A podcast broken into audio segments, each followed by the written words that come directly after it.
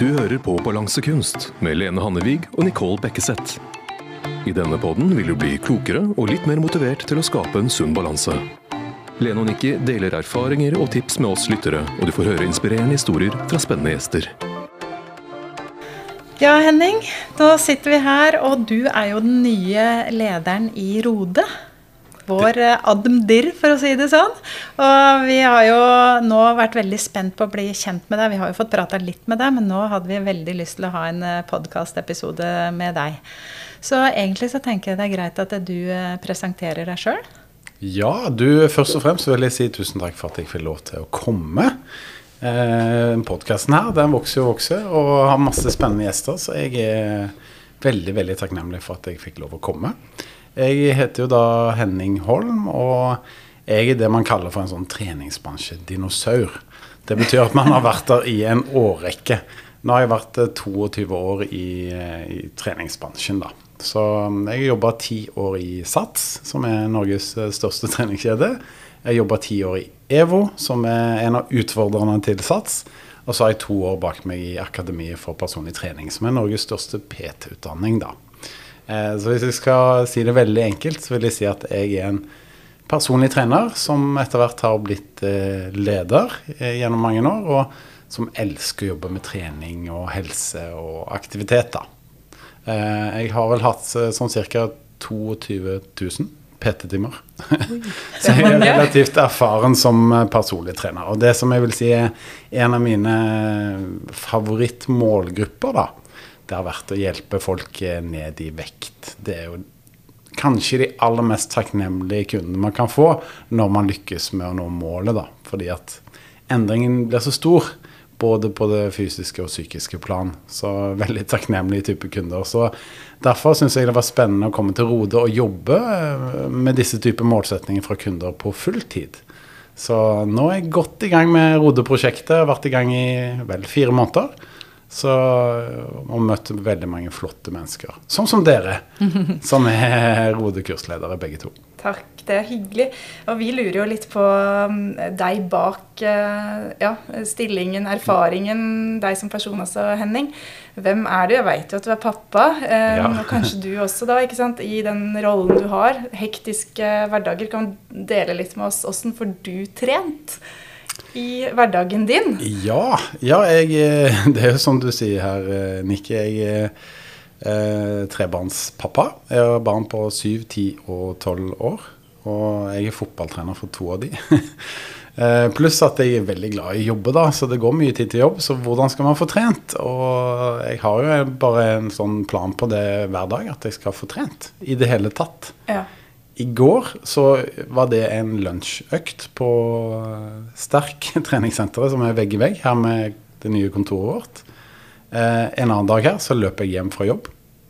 eh, en, eh, et tredje eksempel er at jeg var på løpetur med sønnen min her om dagen. Og han sykla da på sykkelen sin mens jeg var ute og løp. Ja, så du finner enhver mulighet til å være aktiv? Ja, altså vi, vi, kan jo prate litt om vaner, da. Og hvis du har etablert en treningsvane og har gjort det over tid, så er det veldig stor sjanse for at du klarer å etablere den. Og det er jo derfor jeg brenner så mye for barnetrening. ikke sant? For det, hvis du får med deg disse vanene fra, fra barndommen, så er det mye lettere for at du gjør det òg i voksen alder.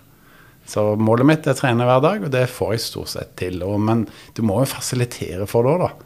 Ikke sant? Det ene er det fysiske og praktiske du gjør rundt det. Så jeg har jo skaffa meg litt sånn sykkel hjemme, tredemølle hjemme, ja. styrkeutstyr hjemme. Så jeg, jeg, jeg, har det veldig tilgjengelig. Og så har jeg medlemskap på flere treningssentre, og så trener jeg ute. Så jeg er jo ganske sånn eh, fanatisk på å få trent. Jeg må jo innrømme det. Og jeg skjønner jo at det er ikke alle som er like ivrige som meg, da. Det har jeg stor forståelse for. Men du, da blir jeg litt sånn nysgjerrig, for du har jo også hjelpa mange da ned i vekt eh, når du har jobba som PT. Mm. Eh, hvordan er det med deg? Tenker du noen gang på hva du spiser? Sånn for å holde vekta? Ja, det, det gjør jeg. Eh, det vi putter i munnen er jo ekstremt viktig hvis du skal enten holde på vekten eller gå ned i vekt. Og selv for meg, da, som trener omtrent hver dag, så, så er jeg opptatt av kosthold. Kosthold er jo en kilde til så mye god energi. Eh, og så er det litt sånn i det samfunnet vi lever i, da, med overflod av eh, så mange matvarer som kanskje ikke er så veldig bra for oss, og som inneholder veldig mye kalorier, så, så må man være litt bevisst, altså. Så jeg skjønner at veldig mange sliter med å, å finne ut av det der. Eh, så jeg tenker på hva jeg spiser, det gjør jeg, men samtidig så er jeg veldig sånn på eh, Og det kan, kan vi snakke om med forbrenning, da. Fordi at jeg er jo en eh, tung person. Jeg veier over 90 kilo.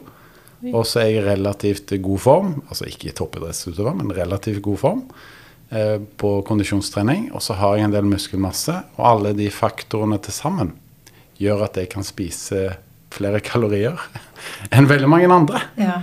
Eh, så spørsmålet er hvilke type regnestykke legger du opp til selv for at du kan spise litt av de tingene som du koser deg med, uten at det går utover vekt. Mm. Og det er jo litt det vi skal snakke om nå, med, om eh, fettforbrenning. Mm. Det er jo veldig interessant for eh, våre medlemmer også. Eh, det er jo egentlig det det dreier seg om. Hvordan eh, vi skal forbrenne mest mulig fett. Og jeg tror det er det vi er ute etter. For det, eh, når de går på kurs, så er de jo, finner de jo ut hvor de skal ligge ikke sant, kalorimessig. Og vi må jo rett og slett telle litt kalorier for å finne ut av det. Men så er vi jo da interessert i den eh, Når eh, kan vi forbrenne mest? Eller hvordan kan vi forbrenne mest eh, mulig? Ja, og der finnes det jo masse spennende sånne avisoverskrifter. ikke sant? Spis det og forbrenn fett. Gjør det og forbrenn fett. Så, og det er veldig mange myter der ute òg på temaet, så dette er ganske sånn uoversiktlig tema for veldig mange. Og det finnes ganske mange overbevisninger eh, hos folk, da. Så eh, jeg, eh, jeg vil jo først og fremst si det at eh, alle forstår jeg, jeg, tar for gitt at alle forstår at hvis du skal gå ned i vekt, så må du ha et kaloriunderskudd. Det tror jeg, såpass tror jeg at den norske befolkningen har fått med seg. Men eh, det er jo sånn da at hva er utgangspunktet for å beregne ditt kaloriforbruk? Vet du da liksom at eh, nei, jeg forbrenner 1000 eller 1500 eller 2000 eller 3000 kalorier per dag? Eh, og svaret på det er jo det at det vil variere fra dag til dag. Eh, fordi at eh, vi har eh, Forbrenningen vår er tredelt. Du har først og fremst det som kalles for hvileforbrenning. Og det er jo det vi forbrenner hvis vi La oss si at du er syk, da, og så ligger du i senga omtrent hele dagen og hele natta. Så på 24 timer da, hva er det jeg forbrenner? Hvis jeg gjør minst mulig, det er jo da hvileforbrenningen min. Så det er bare det som kreves av forbrenning for å holde oss i live og holde alle systemene i kroppen vår gående. Eh, og nummer to, det er aktivitetsforbrenning. Og det er det som skjer når vi går til jobben, går opp trappa, støvsuger, henter ungen i barnehagen. Alle de tingene som er en del av en aktiv dag. Og det siste, det er treningsforbrenning. Og det er jo den eh, det, trening, da må du ha litt høyere intensitet, eh, enten på styrke- eller kondisjonstreningen, eh, for at det skal kunne defineres som trening. Så den tredelingen der av hvile, aktivitet og trening er det som utgjør det daglige kaloriforbruket. Og hvis du da tar meg igjen som eksempel, som er over 90 kilo, eh, så har jeg en ganske høy hvileforbrenning fordi at jeg er så tung som jeg er. Så veldig enkelt så kan du si liksom at jo større maskineri du har Kroppen er ikke et maskineri, men det er en fin metafor. Eh, jo høyere hvileforbrenning har jeg. Men da også en person eh, som eh, har mye muskler, vil jo ha kanskje en annen type forbrenning eh, enn en person som er overvektig. Ja, altså det krever jo mer for kroppen å, å holde på og vedlikeholde muskelmasse enn fettmasse. Det vet vi. Så det, det er absolutt eh, riktig. Men forskjellene på det er kanskje ikke så store som vi gjerne tror. Eh, så, så, det kan dreie seg gjerne om å kunne et par hundre kalorier i døgnet, da. Eh, som maks. Så eh, det er viktig å ha med seg at eh, forbrenning, den viktigste metoden da, for å påvirke forbrenningen din, det er aktiviteten og treningen. Det er de to som påvirker aller mest. Men du kan påvirke hvileforbrenningen din nå Hvis du trener en del kondisjon, dersom du har mer muskelmasse enn fettmasse, så vil det føre til en høyere hvileforbrenning. Men Kanskje er de overskriftene fra media òg kommer, dette med 'sove deg ned i vekt'. Mm. Eh, Forbrenn om natten, ikke sant. Det Ja. begynte på hvileforbrenninga. Ja, for du kan si at en person som er i veldig god form, og som har høy muskelmasse, sier at du forbrenner 200 kalorier mer da, per døgn i hvileforbrenning, eh, så utgjør det en del på et år. Hvis du ganger opp 200 kalorier da, ganger 365 dager, da får du en del eh, ekstra kalorier som du kan velge da å spise og kose deg med. Ja, Hvis du tenker bare for å gjøre om det Mm. til eh, mat, da, så er det to brødskiver med litt magert pålegg. Da. Det er det. Ja. Og det hjelper det, hvis man kan spise det Mm. Eh, ja, litt mer av det, for å si det sånn. Ja, satt på spissen da, så kan du si at uh, min uh, hvileforbrenning den er ca. 1800 kalorier. Så jeg kan spise ganske mye innenfor det, hvis jeg velger riktig og spiser meg god og mett. eh, og være nesten inaktiv uten å gå, gå opp i vekt da, per dag. Ikke sant? Og den vil jo variere. da. Og, eh, hvis jeg da i tillegg har en aktiv dag med kanskje 10 000 skritt, og løper en tur i tillegg, og så trener litt styrke, ja, da har jeg kanskje en forbrenning eh, på den dagen som omtrent 3500 kalorier. Så da kan Men- jeg spise to pizza Grandiosa. Eh, Men gjør du det? rett. Nei, det gjør jeg ikke. Og legge på en uh, New Energy eller noe sånt, og fortsatt gå ned i vekt på den dagen. Ikke sant? Jeg vil ikke anbefale det jeg sa nå, men det, det var bare et eh, morsomt eksempel. Men den hvileforbrenninga, eh, kan ikke du fortelle litt hvordan du har funnet ut hva det er på deg? Ja, det, det er jo sånn at uh, hvileforbrenning, uh, den eh, kan du f.eks. finne ut ved å gå på en sånn kroppsanalysemaskin. Uh, som veldig mange av rodekurslederne bruker. Da kan, da kan du se hva den er. For den kommer litt an på din sammensetning, ikke sant? Ja. Så det kommer an på tyngden din, hvor mye du veier. Og så kommer det an på sammensetningen, om det, hvor mye muskelmasse, hvor mye fettmasse du faktisk har. da. Så hvis du er ganske liten og lett, så vil jeg si at du antageligvis har en mye lavere hvileforbrenning enn hvis du er stor og tung. Og Så har du jo det med alder òg. Ja, Ja. Mm. Det òg vil vel eh, spille inn? Altså, alder i utgangspunktet spiller ikke så mye inn som, som det vi gjerne skulle tro, da. Eh, så, så Jeg tenker jo når vi blir eldre, så Mm. går jo alt litt tregere i kroppen også. Ja, altså eh, Nei, altså hvileforbrenning i seg selv øker Altså, den eh, endres ikke så mye. Nei, med Men aktivitetsnivået endrer seg litt? aktivitetsnivået, så det, de to andre forbrenningsformene, de endrer seg en del. Men det har jo litt med eh, hvordan man velger å leve når man blir eldre, Mm. og at man blir mer og mer sedat, rett og slett. Så du kan fortsatt ha en veldig høy forbrenning selv om du blir eldre. Og opprettholde kondisjonen òg eh, er, ganske godt mulig, altså, når du blir eldre. Så du ser i veldig mange kondisjonsidretter så ser du gjerne at eh, utøvere holder på ganske lenge, eh, rett og slett. Kontra mange andre idretter som krever mer eksplosivitet. Eh, så evne til eksplosivitet, f.eks., den, den ser vi at gjerne går litt ned når man blir eldre, mens utholdenhetsegenskapene våre de holder seg ganske lenge.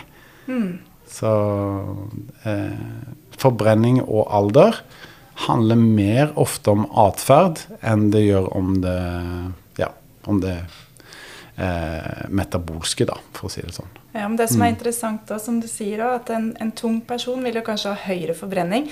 Og det ser jo vi òg med de vi møter. At det kanskje raskere resultater også, da, i forhold til vekttap enn en som eh, vil ned få kilo. Så det kan være veldig motiverende. Det trenger ikke å være noe hinder at man er tung i utgangspunktet. Man vil kanskje bare ha desto større effekt i starten. Absolutt, absolutt, det vil man. For det, det som jeg snakker om her, da, det er hvilket regnestykke er det du skaper for deg selv. Ikke sant? Så, så dette med, med kalorier og forbrenning er på en måte liksom en sånn bankkonto.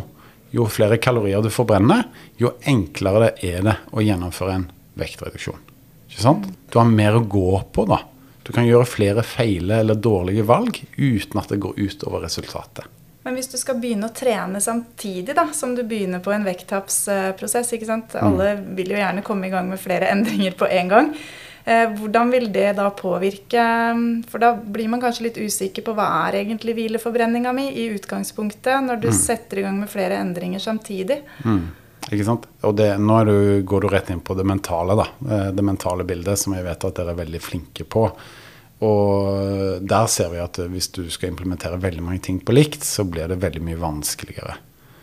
Eh, samtidig så kommer det an på utgangspunktet til den enkelte, da. Så det som jeg ofte gjorde som PT, det var at jeg innførte en del sånn leveregler til å starte med. Så kunden skulle møte meg én gang i uken for å trene.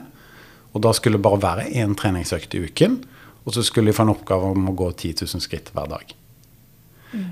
På kostholdet så starta vi Hvis noen var veldig ivrige, så lagde jeg en kostholdsplan. Men det første vi innførte, spesielt hvis utgangspunktet var ganske, at personen er ganske tung, at vi kutta ut f.eks. med flytende kalorier. At man kutter ut snacks og sjokolade og sånn. Uh, og alkohol. Så bare de endringene der, hvis du er relativt overvektig, vil jo gi en god dose fremgang i starten. Og så etter to eller tre uker så begynte vi på de mer avanserte tilnærmingene med hva skal jeg faktisk spise, og gå inn på det. Så det var en sånn fase, en tankegang hvor vi angrep de ulike fasene med enkle eh, verktøy i starten, da, rett og slett. Mm. Så jeg vil anbefale at man begynner med noen enkle tiltak, og deretter gjør det mer avansert etter hvert, da. Så tenker jeg jo, mm. Henning, eh, du, jeg vet jo at du har skrevet en bok om å gå deg i form. Mm -hmm. Er det ikke det tittelen er? Jo, gå deg i form. Riktig. Ja. riktig. Og det er jo også veldig fint å kunne starte med da, hvis man skal starte å bevege seg eller komme i aktivitet. Mm. Og da kommer jo òg det med fettforbrenningen. For det er mange som tenker at ja, men jeg trener ikke, jeg er bare ute og går tur, jeg. Er det ja. mange som sier. Mm. Hva tenker du om fettforbrenning i forhold til det å gå? Du, vet du hva. Å gå er en fantastisk form for fettforbrenning. Eh, når, når, vi går, eh, så er det sånn at vi eh, beveger jo Altså, du bærer på kroppen din det er en kroppsbærende aktivitet. Så hvis vi skal se på hvilke aktiviteter er det faktisk som gir høyest fettforbrenning, eh, så kan gåing absolutt være en av de typer aktivitetene. Men eh, det er et viktig element å ta med seg, og det er fart. Hvilken fart ja. har du på gåingen din? Vei, fart, tid, er det ikke sant? Eh, så absolutt som du sier, Nikki, varighet og, og farten. For hvis du bare rusler tur Ok, du får brenne eh, godt med kalorier på det òg. Men da må du kanskje ha litt lengre distanse da, eh, for å sikre at du får brenne nok. Men det med fart er veldig viktig òg i forhold til formen din. da. Så hvis du skal ha helsemessige effekter av dette her, og så mange som mulig av de helsemessige effektene, så vil jeg si at få farten. Mm. Og gjerne finn deg en motbakke, rett og slett. Så gåing som trening er vil jeg si, en undervurdert treningsform. Absolutt. Du merker jo det selv hvis du går på en lang fjelltur f.eks., to eller tre timer, hvor mye det faktisk koster da, av energi. Så, og gåing i disse tider hvor økte kostnader osv. Gåing er jo gratis. Du kan gjøre det hvor som helst. Alt du trenger, er et par ok joggesko. Og så trenger du ikke å jogge, for mm. mange som er litt overvektige, syns jo det kan være mm. tungt. Ja. Får de der dunka ned. Og da er jo det å gå i oppoverbakke for å få pulsen skikkelig. Ja, det er skånsomt, effektivt. Uh, og så syns mange det er litt kjedelig. Så, de, så, et godt tips der er putt på en lydbok som mm. du liker. Uh, det finnes jo så mye fint på markedet der. Uh, eller gå med en venn. Eller med en podkast. Eller med en podkast som dette. ikke sant? Mm. Eh, for det, det, er en flott type forbrenning. En helt ny studie nå fra Australia har sett på eh, hva som skjedde når eh, over 78 000 mennesker gikk mer enn 10 000 skritt per dag. Og de helsemessige effektene var ekstreme, altså.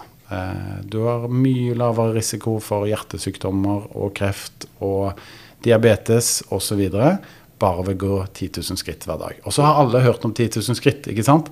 Men uh, her har de faktisk dokumentert det på en veldig sånn uh, enkel og fin måte. Så det å gå er en superaktivitet fordi du kan gjøre det hver dag òg. Så du kan sikre deg en god forbrenning da, ja. uh, bare ved å gjøre det hver dag. Mm. Så det er en type aktivitet vi tåler veldig godt da, Vi er jo lagd for å gå, vi mennesker. Vi har gjort det i tusenvis av år. ikke sant? Men jeg har også et spørsmål i forhold til styrketrening. For det er jo mange av de som begynner på kurs hos oss, eh, de har ikke klart å komme i gang med styrketrening. Så starter de med en eh, vektreduksjonsprosess. Mm. og så etter hvert så blir de veldig motivert. da. Nå skal jeg starte med styrke. Og det vi ofte opplever da, er at det, det stopper opp. Vektnedgangen stopper opp. Har du noen forklaring på det? Ok, Så de opplever at eh, når de begynner med styrketrening, så stopper det litt opp? Ja. Ja. Ehm, det er jo alltid liksom vanskelig å påpeke um, på individuelt nivå. Uh, hva som skjedd på generelt grunnlag, så kan vi jo si at hvis du trener en del eh, styrketrening, um, så vil jo det påvirke muskelmassen. Og muskelmassen vår den veier jo mer da enn fettmassen. Hvis du ligger i et eh, kaloriunderskudd over tid, så vil du gå ned i vekt, eh, selv om det, du trener styrke. Men du kan få en litt sånn stoppeffekt eh, på en veldig liten periode, hvor kroppen liksom lurer litt på hva som skjer her.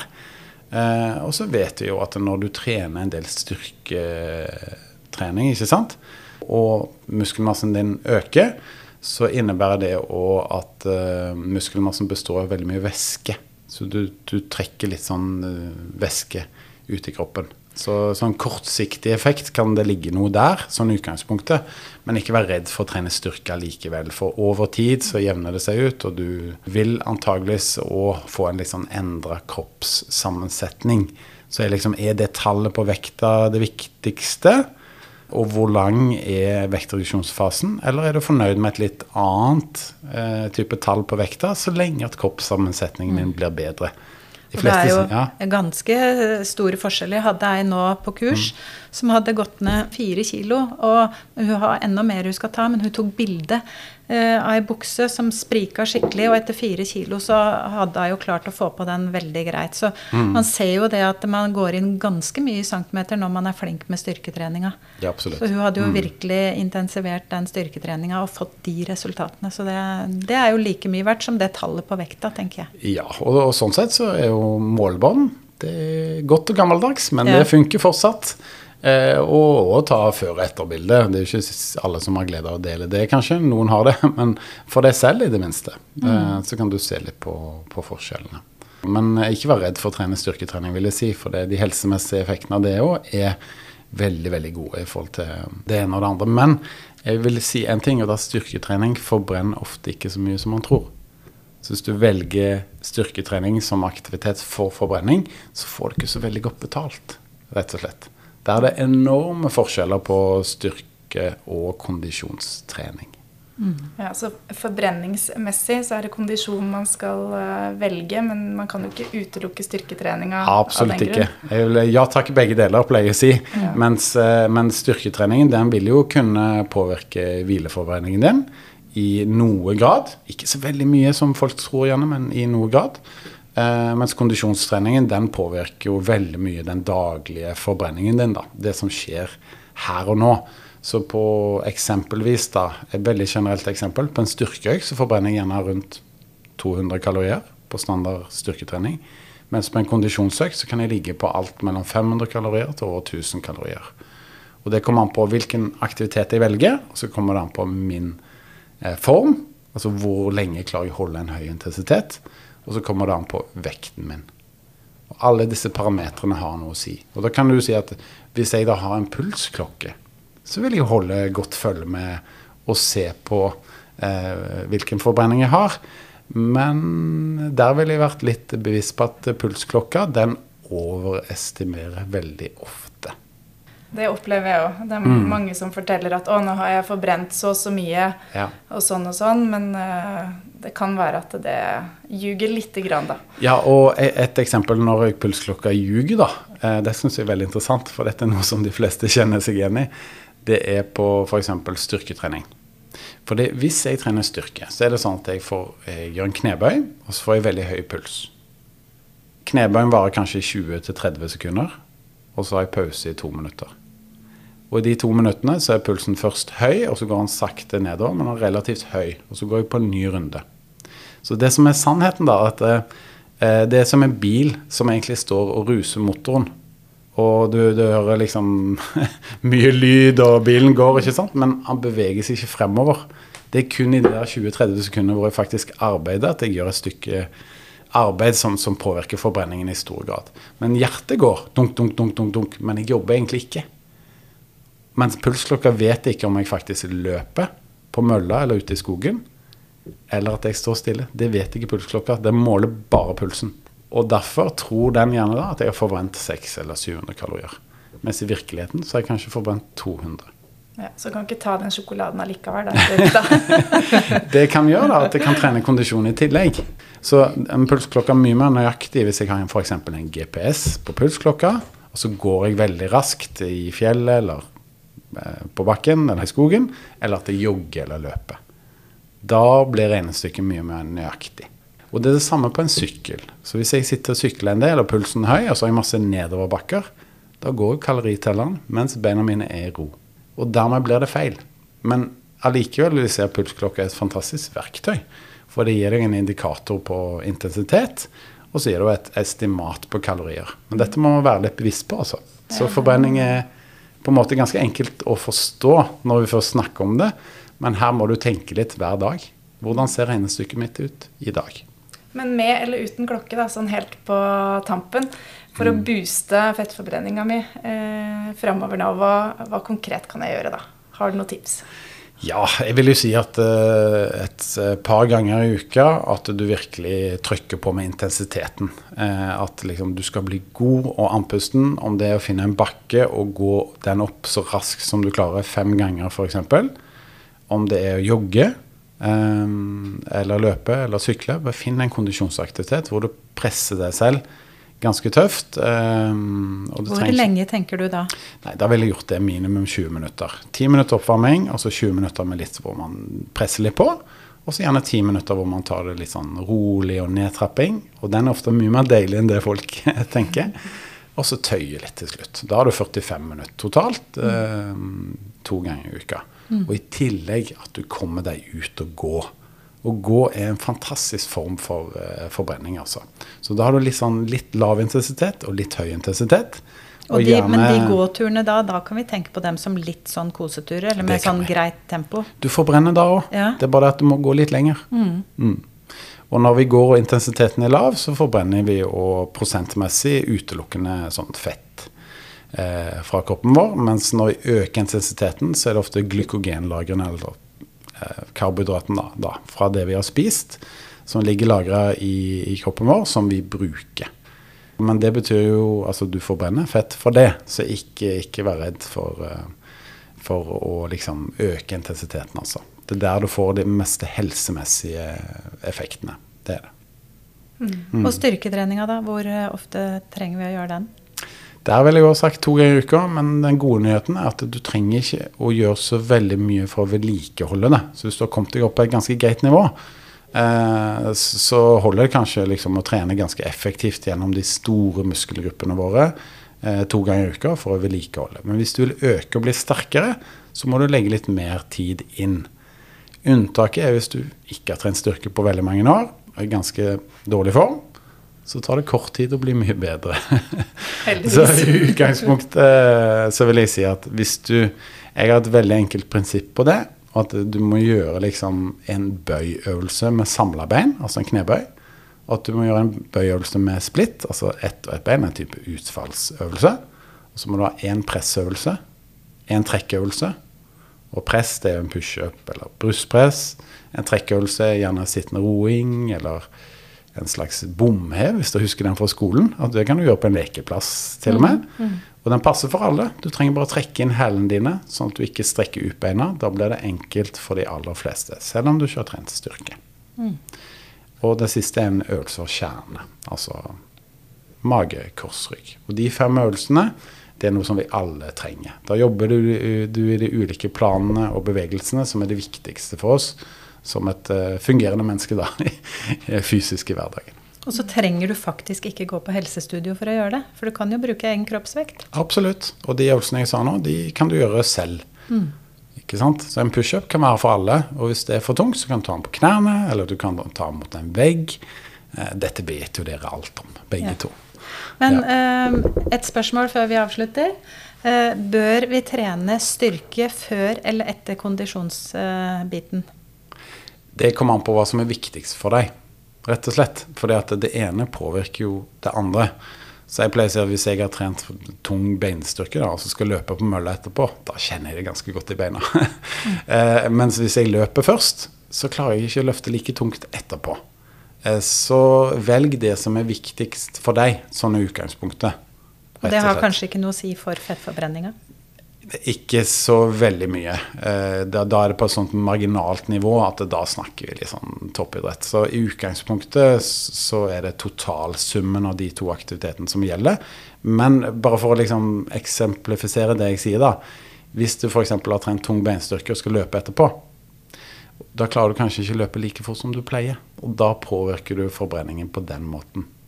Eh, så jeg skal si en tommelfingerregel her altså på forbrenning som folk skal ta med seg, er at forbrenning det kan du påvirke selv. Det er du som skaper den der daglige forbrenningen din. Så dette kan du ta fullt og helt kontroll på gjennom liksom Ja, styrketrening er viktig for hvileforbrenningen. Eh, muskelmasse er viktig for hvileforbrenningen. sant? Aktivitetsforbrenningen den kan du gjøre mye med med å velge å gå og velge å sykle Eh, hvis du skal på date, ta en gå-date, da. Eller hvis du skal møte en venninne, kan dere ikke gå heller, istedenfor å sitte i sofaen eh, og, og, drikke te og prate. Kom deg ut. Og hvis det er på jobb, ta et gå-møte, da. Mm. Dersom det er mulig. Og så er det det siste, og det er treningen. All trening er fint. Hvis du skal ha god forbrenning, så vil jeg prøve å øke intensiteten. Det er bra for hjerte og lunger, det er bra for det generelle systemet. Og så forbrenning mer per, per minutt. Da. Mm. mm. Og da håper jeg at uh, du som lytter blir inspirert nå til uh, enda mer aktivitet. Uh, ikke bare fordi at det påvirker forbrenninga, men fordi at det også er gøy. Mm. man kan være sosial samtidig. tusen takk for praten, Henning. Masse inspirerende tips. Veldig hyggelig å møte dere. Dere er flinke, altså. Så jeg oppfordrer alle lyttere til liksom heng dere på den podkasten her. Her er det så mange nyttige og motiverende tips som jeg tror utgjør en viktig forskjell altså, for, for lytterne. Så all honnør til dere, og tusen takk for at jeg eh, fikk eh, komme. Tusen takk. Tusen takk, ja. du lyttet til Balansekunst med Lene og Nikki. Hold den sunne balansen ved å følge oss på Facebook og Instagram under balansekunst.podkast.